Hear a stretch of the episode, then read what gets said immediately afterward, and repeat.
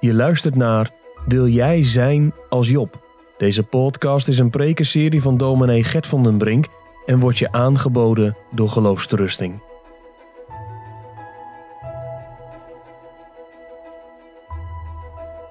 Wij openen het woord van God en we gaan weer een gedeelte lezen uit het Bijbelboek Job, hoofdstuk 4. Job was een man, oprecht en vroom en wijkende van het kwaad, maar hij is door allerlei ellende getroffen. Hoofdstuk 1 en 2 hebben daarover gesproken. In hoofdstuk 3 kunnen wij de klacht lezen van Job die hij uitspreekt. En de vertwijfeling en de wanhoop, mogen we wel zeggen, die in zijn woorden doorklinkt. Zijn verlangen naar de rust van het graf. En dan in hoofdstuk 4 gaat de eerste van zijn vrienden, Elifas, tot hem spreken. En hij probeert hem te troosten. We hebben de vorige week daar al uh, bij stilgestaan. Bij uh, vers 5 tot en met 7. We lezen nu het hele hoofdstuk en dan zal vers 17 de tekst zijn. Job 4 is de schriftlezing. Hier spreekt het woord van God. Toen antwoordde Elifas de Themaniet en zei, Zal wij een woord opnemen tegen u, zult gij verdrietig zijn? Nochtans, wie zal zich van woorden kunnen onthouden?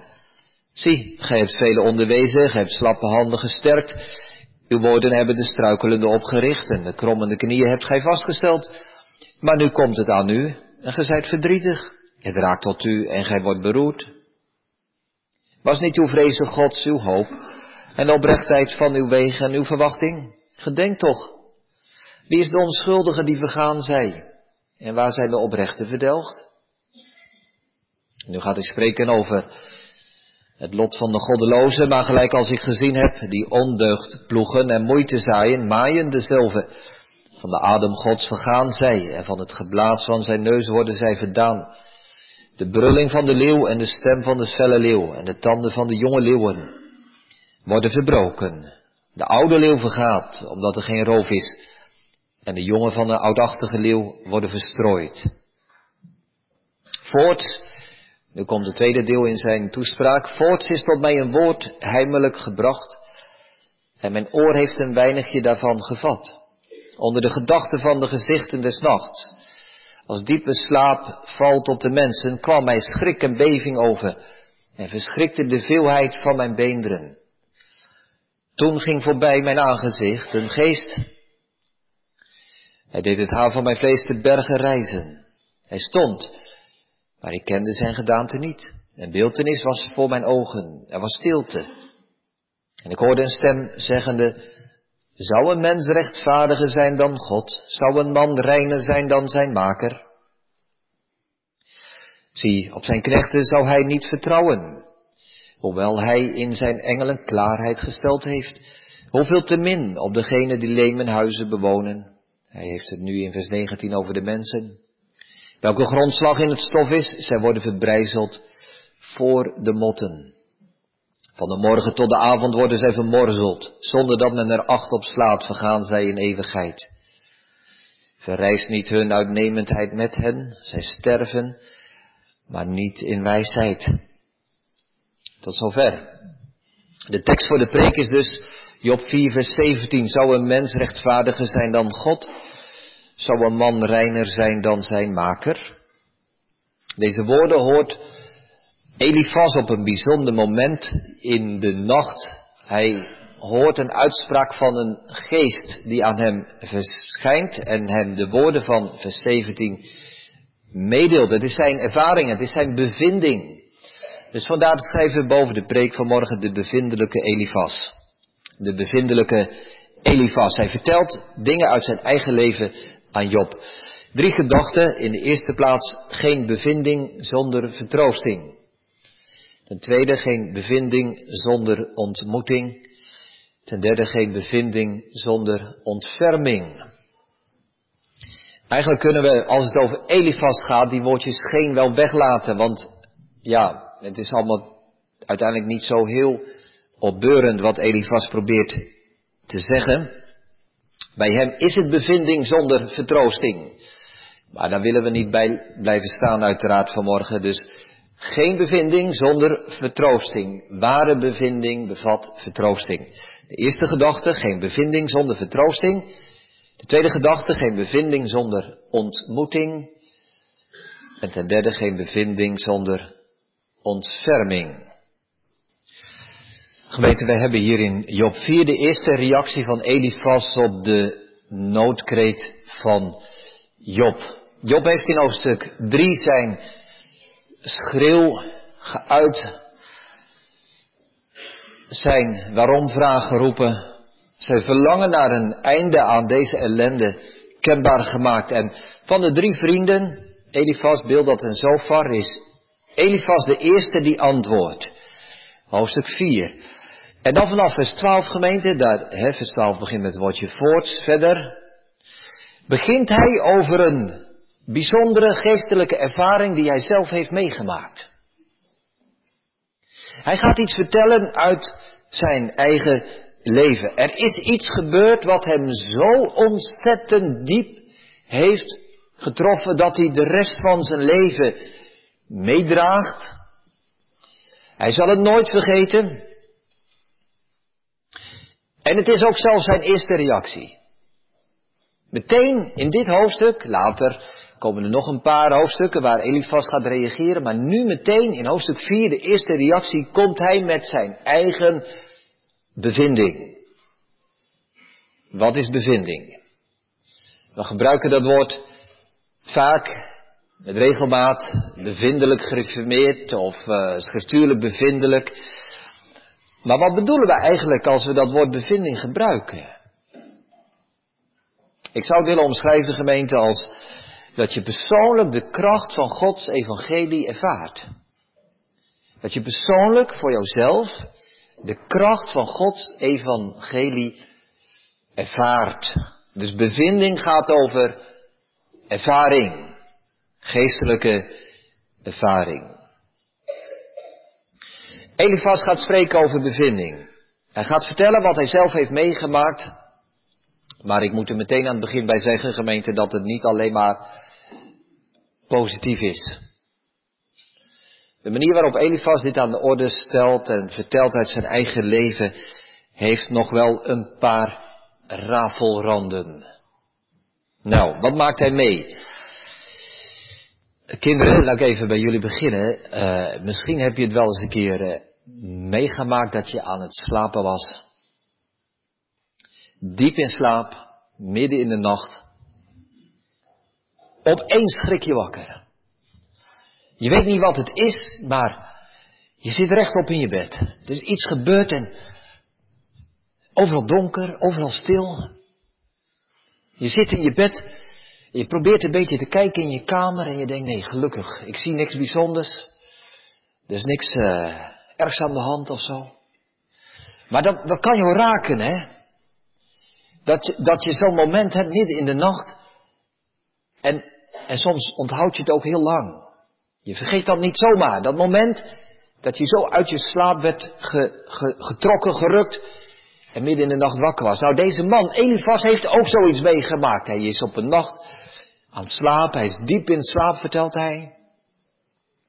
En opeens, opeens is er iets in zijn slaapkamer. Hij schrikt wakker, hij komt overeind en wat is er aan de hand, denkt hij, er zal wel niks zijn. Maar, maar dan komt er nog een dubbele schrik, want hij kijkt rond en hij ziet wel wat. Er is een geest. Er is een geest in zijn kamer. En hij schrikt ervan en het, de haren reizen met de bergen, zegt hij.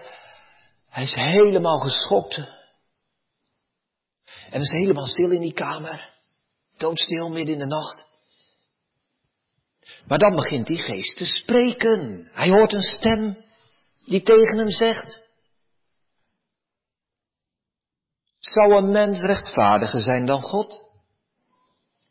Zou een man reiner zijn dan zijn maker? Nou, dat is de ervaring van Elifas.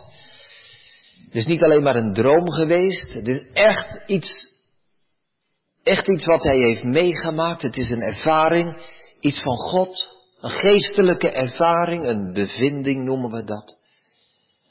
En Elifas die heeft dat meegemaakt en er staat niet bij hoe lang dat geleden is, misschien al wel jaren geleden. Maar hij weet het als de dag van gisteren. En het heeft vanaf dat moment zijn leven gestempeld. En als hij dus die woorden van Job heeft aangehoord en denkt, wat kan ik tegen hem zeggen, hoe kan ik reageren, komt dit bij hem boven. Dit ga ik hem vertellen. Job, moet je eens luisteren wat ik heb meegemaakt. Job, dit is er in mijn leven gebeurd. Ik wil je wat doorgeven. Ik wil jou wat vertellen. Dat heb jij ook nodig. Dat heb jij ook nodig. Wat ik gehoord heb van die geest midden in die nacht. Mijn bevinding, mijn ervaring kan jou geestelijk ook voordeel opleveren. En toch gemeente moeten wij zeggen, onze eerste gedachte dat dit bevinding is zonder vertroosting. Bevinding zonder vertroosting. Wat heeft Job hier aan om dat verhaal te horen van de ervaring en de bevinding en de beleving van Elifas? Waarom vertelt Elifas nou zo uitvoerig over zijn eigen bevinding? Het is behoorlijk gevoelloos. Om daar tegenover die man die, die, die zoveel kwijt is en zoveel verloren heeft en zo ontwricht is. Het is behoorlijk gevoelloos om dan te beginnen over je eigen ervaringen. Job, luister eens wat ik heb meegemaakt. Het zijn twee vrienden, hè? Twee vrienden. Maar op dit moment gaat die verhouding echt scheef. Er gebeurt iets. Er, er knakt iets, er breekt iets misschien wel tussen Elifas en Job. Want als ik dit, dit zo lees en tot me door laat dringen, dan zegt Elifas eigenlijk tegen Job. Nou Job, wat ik heb meegemaakt, dat gun ik jou ook zo graag, joh. Ja, wat, wat ik heb beleefd, dat zou jij eigenlijk ook moeten beleven. En ik wens jou dat van harte toe. Er zit ook wel wat vriendelijke gunning in, maar de positie is niet meer gelijkwaardig van twee vrienden. Het is scheef getrokken. En Job is daar bepaald niet mee getroost en mee geholpen. Als Elifas als het ware van bovenaf gaat vertellen wat hij allemaal heeft meegemaakt en zegt, nou Job, joh, hè, ik wens je toe dat je dat ook nog eens een keer mag gaan beleven. Nou, er zit voor ons een les in. Mogen wij gemeente vertellen uit ons eigen leven over geestelijke ervaring? Natuurlijk mag dat. Kom luister toe, gij godsgezinden. Zo zingt de psalmdichter. Gij die de Heer van harte vreest, hoort wat mijn God deed ondervinden, wat hij gedaan heeft aan mijn geest. Maar vraag je wel af waarom je dat eigenlijk wil vertellen? Wat beweegt jou om aan andere mensen te vertellen uit je eigen geestelijke leven? Troost je daar andere mensen mee? Of is het toch eigenlijk dat je het gesprek naar jezelf toetrekt en jezelf met jouw bevindingen in het middelpunt plaatst? Nou, daar help je de ander bepaald niet mee. Er is nog iets gemeente wat mij opvalt. En, en, en waardoor, waardoor er geen troost zit in deze bevinding die, die Elefas vertelt. Als ik dit zo lees, hè, dan, dan valt mij op dat hij uitvoerig aandacht besteedt aan wat hij allemaal heeft eh, gevoeld en ervaren en zo. Hij begint in vers 13 en vers 14 en vers 15 en vers 16. Hij zegt allemaal van toen dit en daarna dat. En nou kinderen, als je dit zo leest, hè.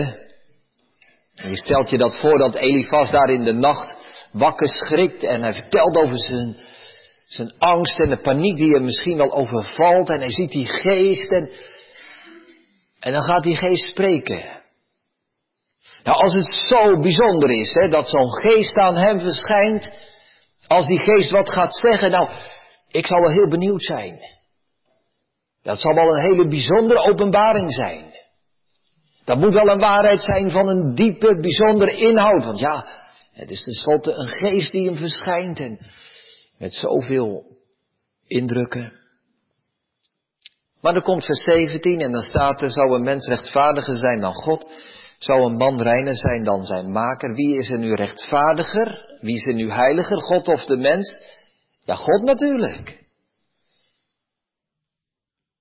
Het is eigenlijk wel een beetje een tegenvaller, gemeente. Die boodschap van die geest is helemaal niet zo bijzonder. Dat wisten we al lang dat God rechtvaardiger is. Dat kun je zo in de Bijbel lezen. Daar heb je geen geest voor nodig, daar heb je geen droom voor nodig, daar heb je geen geestelijke ervaring voor nodig midden in de nacht. En soms, soms gebeurt het ook wel dat mensen iets meemaken en vertellen.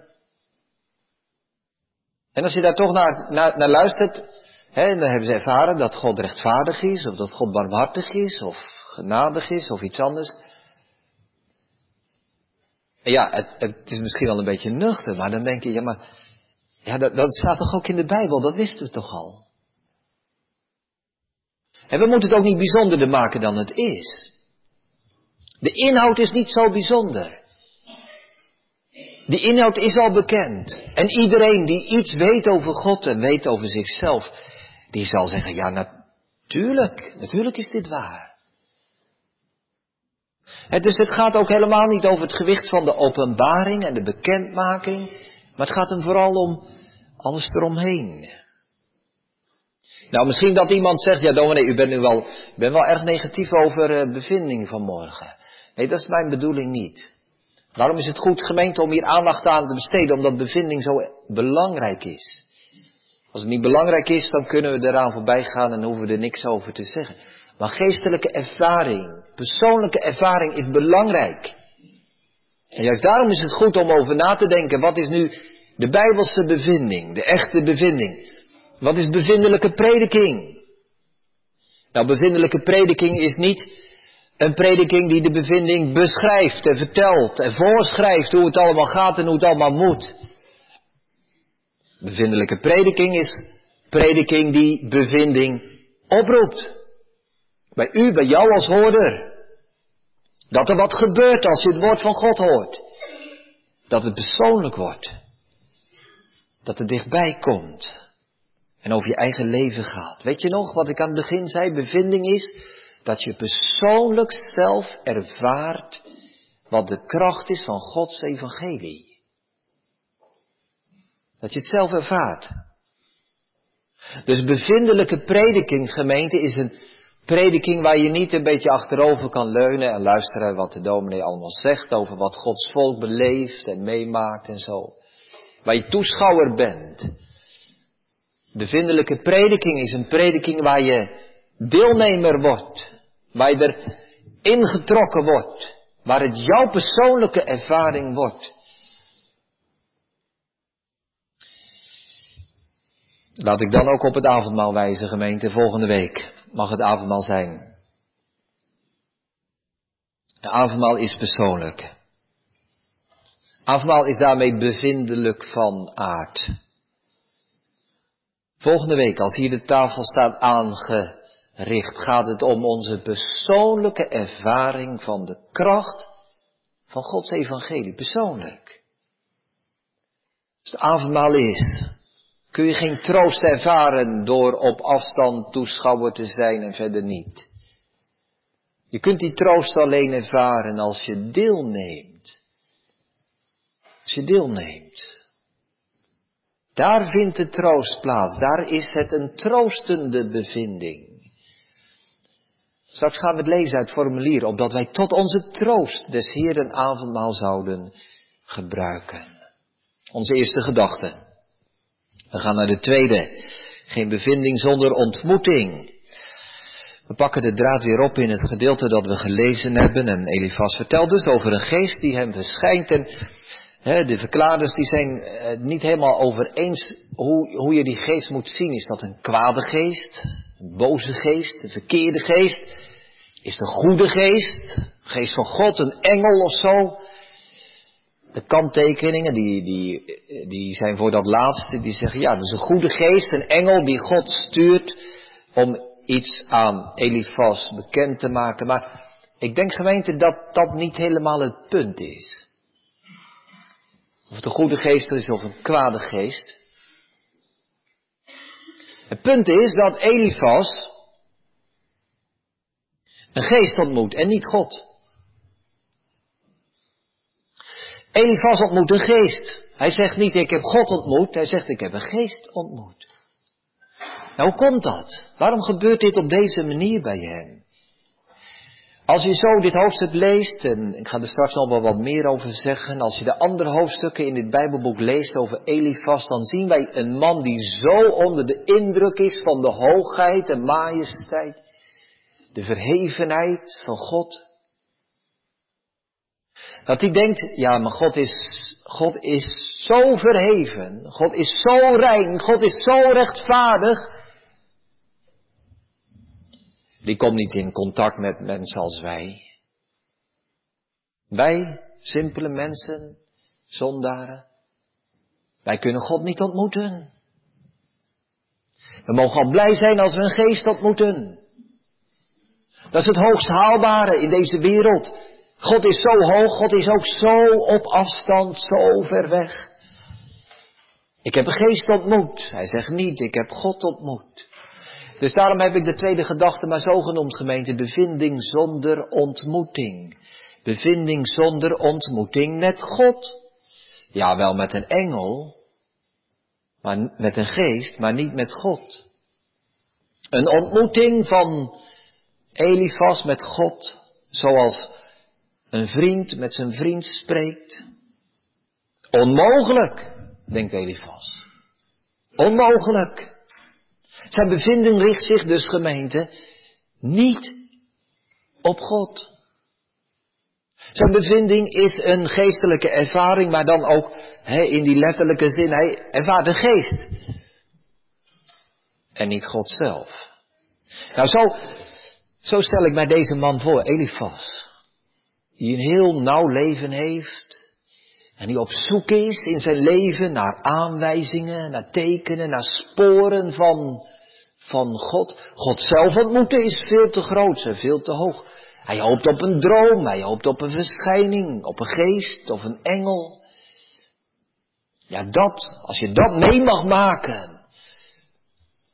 Hij staat in het leven en hij, hij probeert te duiden wat er om hem heen gebeurt. Is er misschien een bijzondere samenloop van omstandigheden.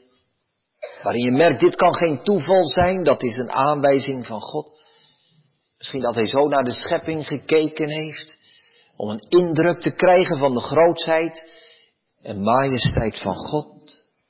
Misschien is hij alert op invallende gedachten die hem soms overkomen en vraagt hij zich af, hè, als ik deze tekst nu krijg of dit psalmvers in mijn gedachten zit, is dat misschien een aanwijzing van God?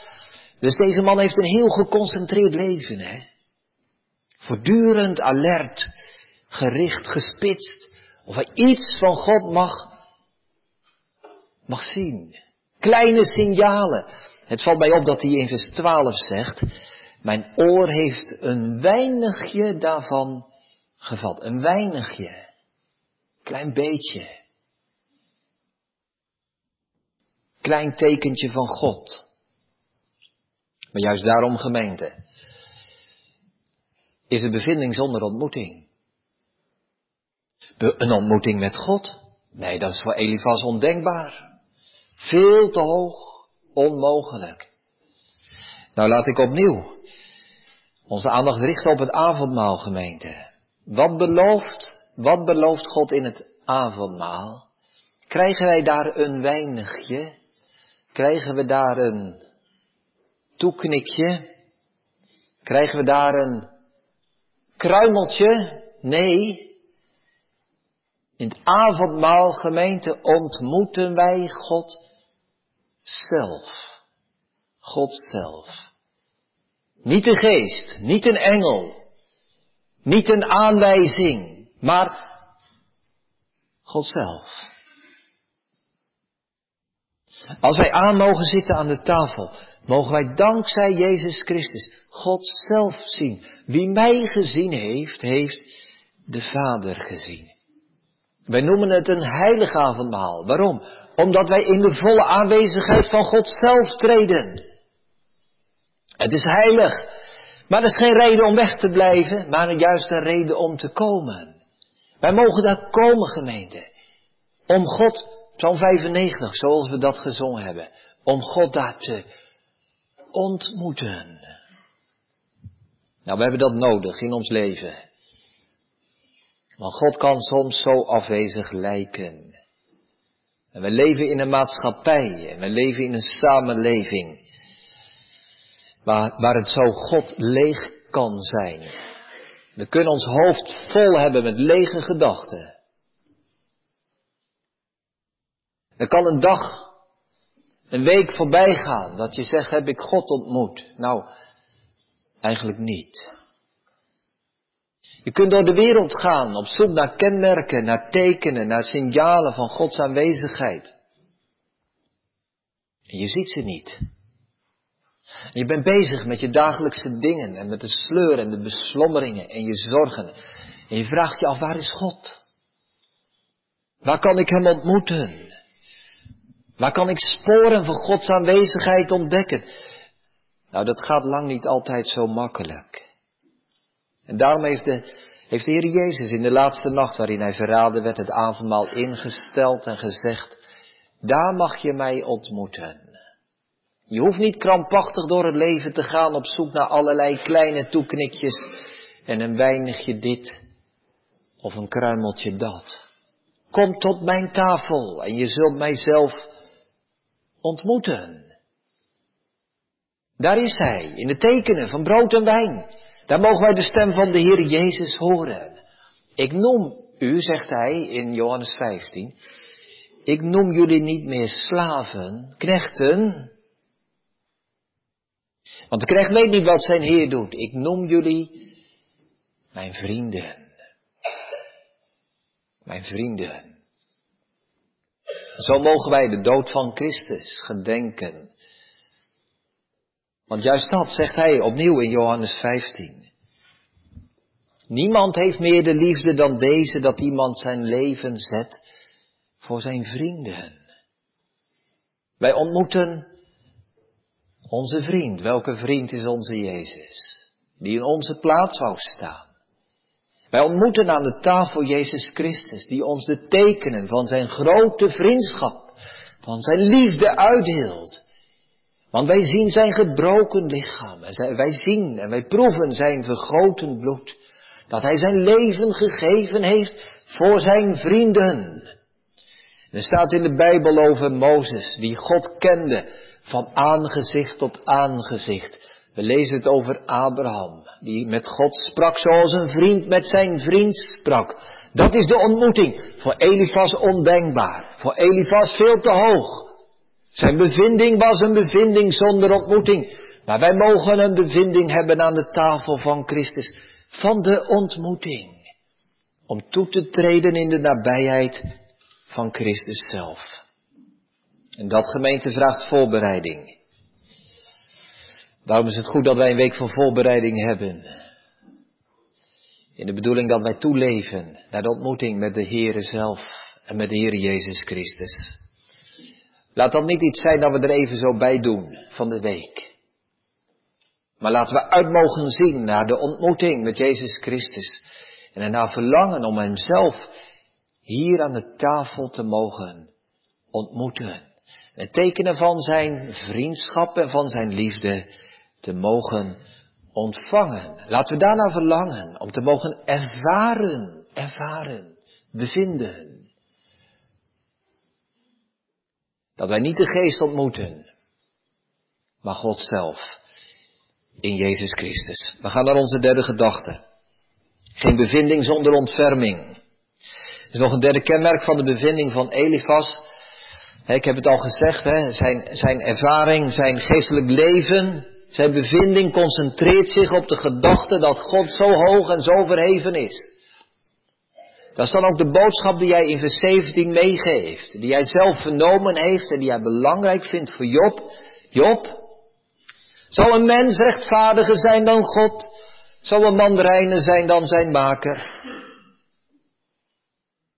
Job, vergelijk jezelf eens met de grootheid en hoogheid van God. Waar blijf je dan? We vallen in het niet. We kunnen niet op gelijk niveau met God spreken. Laat staan dat wij God zouden beoordelen. Laat staan dat God zich voor jou zou moeten rechtvaardigen wat hij doet. Jij bent niet rechtvaardiger dan God. Je bent maar een mens. Er staat daar een woord in de grondtaal wat wijst op de broosheid en de zwakheid van de mens. Wie ben je eigenlijk, Job? God is veel rechtvaardiger. Daarna in vers 18 bespreekt Elifas de engelen. Zie, op zijn knechten, de engelen, zou hij niet vertrouwen. Die engelen, die zonde zonde zijn, die komen nog niet op het niveau van God. Laat staan, zegt hij in vers 19, de mens. Hoeveel te minder op degene die lemen huizen bewonen. Ons lichaam is maar leem. We zijn uit aarde gemaakt. We zijn uit het stof genomen en we zullen tot het stof weerkeren. Zij worden, die mensen, ze worden verbrijzeld, zegt hij, voor de motten. Er staat in de zinnenstatenvertaling, zij worden nog eerder verbrijzeld dan een mot. Kinderen, weten jullie wat een mot is? Dat is zo'n klein, zo'n klein vliegje. Als je moeder ze in de klerenkast ziet, dan denkt ze, oh, nu moet ik gauw wat doen, want ze, ze eten de kleren op.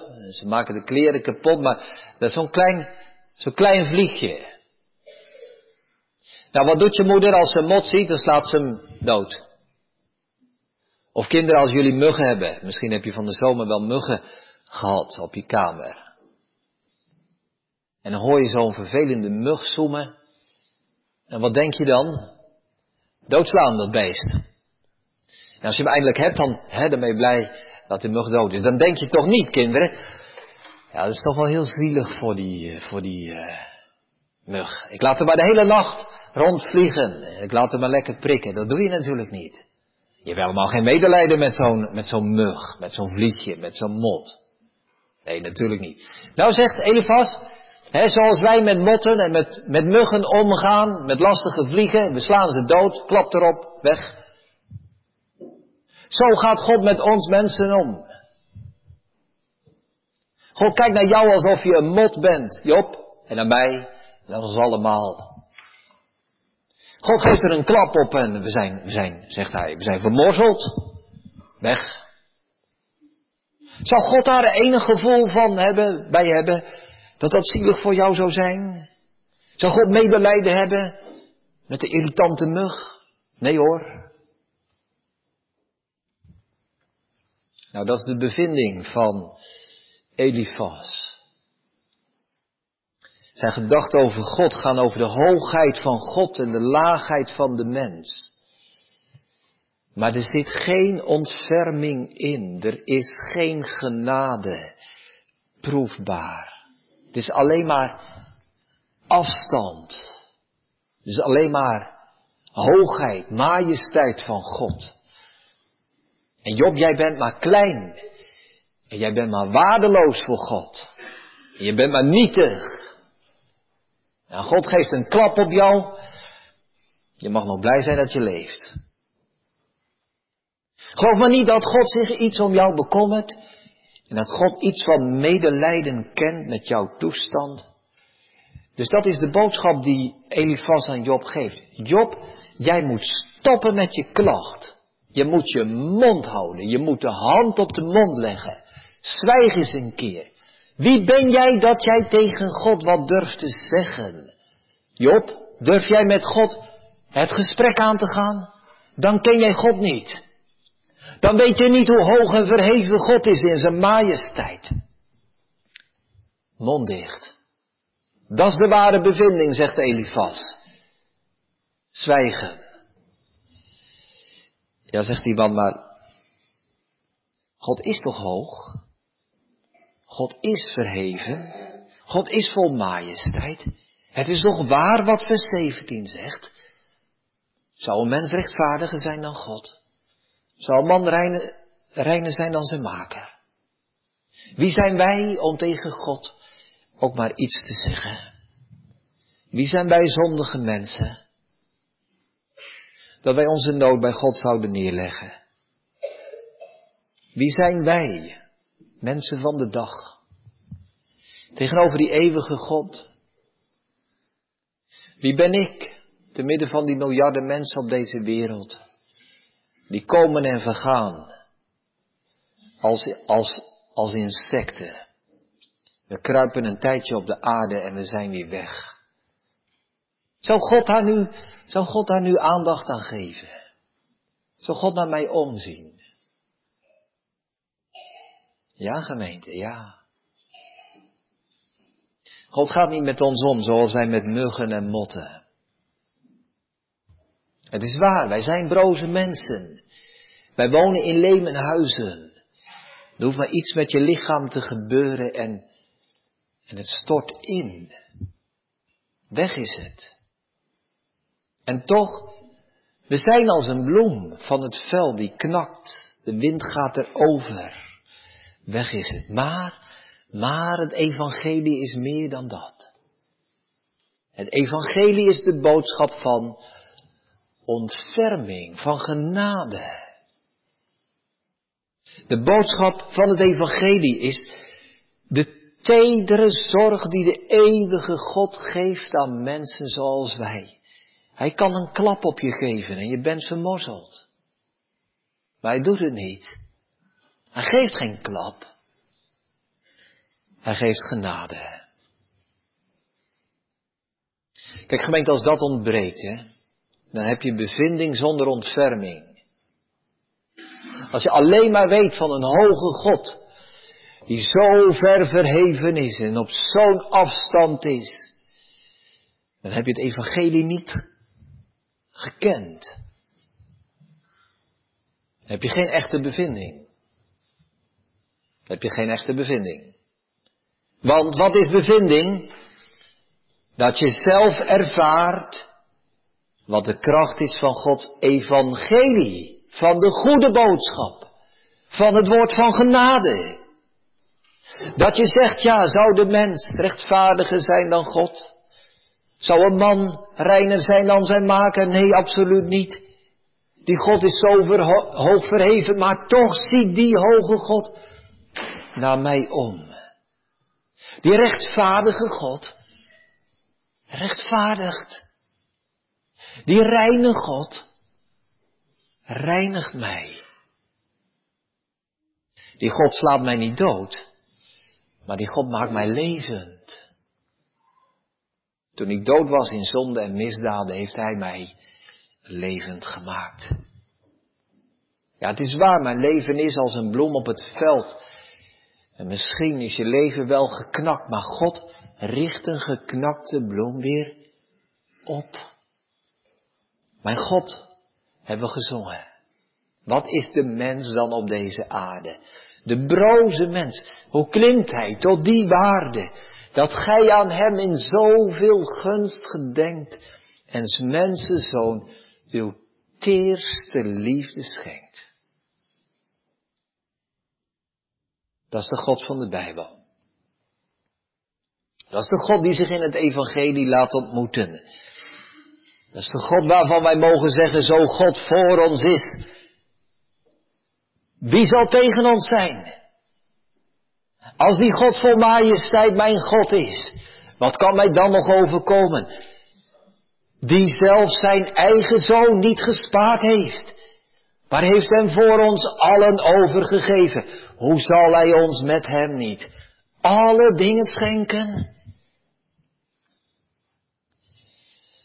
Volgende week is het avondmaal gemeente. Welke bevinding is er nodig om aan het avondmaal te mogen gaan? Kun je toegaan aan het avondmaal? Als je bevinding hebt zonder ontferming? Nee. Kun je toegaan? Als je alleen maar bevinding hebt van je eigen verlorenheid en meer niet? Nee. Kun je toegaan als je alleen maar bevinding hebt van je eigen nietigheid en zondigheid? Nee. Kun je toe volgende week met de bevinding van Elifas, die alleen maar kan zeggen, zou een mens rechtvaardiger zijn dan God, zou een man reiner zijn dan zijn maker? Nee. Zometeen gaan we het formulier lezen, gemeente. En dan wordt dat alles in die eerste vraag wel gesteld. Maar er komt nog een tweede punt. Of ik ook de gewisse belofte van God geloof. Dat Hij al mijn zonden om Christus wil vergeven heeft.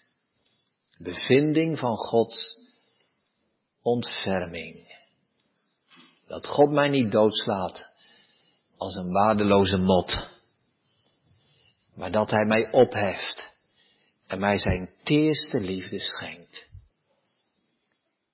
En is waar gemeente, aan de avondmaalstafel worden echt niet al onze vragen beantwoord. Aan de avondmaalstafel worden niet alle vragen van Job beantwoord. De avondmaal is geen wondermiddel dat onze problemen en onze zorgen oplost en wegneemt. Maar het avondmaal is wel het moment dat wij God ontmoeten. En dat is wel het moment waar God ons zegt dat wij Hem kostbaar zijn. Waar de Heer Jezus ons vertelt dat Hij ons zo lief heeft gehad dat Hij Zijn eigen leven voor ons gegeven heeft. Dan worden wij vertroost met de bevinding van Gods ontferming. En daarvan mogen we zingen met de woorden van Psalm 72, als God ons zegt, hun bloed, hun tranen en hun lijden zijn kostbaar, zijn dierbaar in zijn oog. Amen.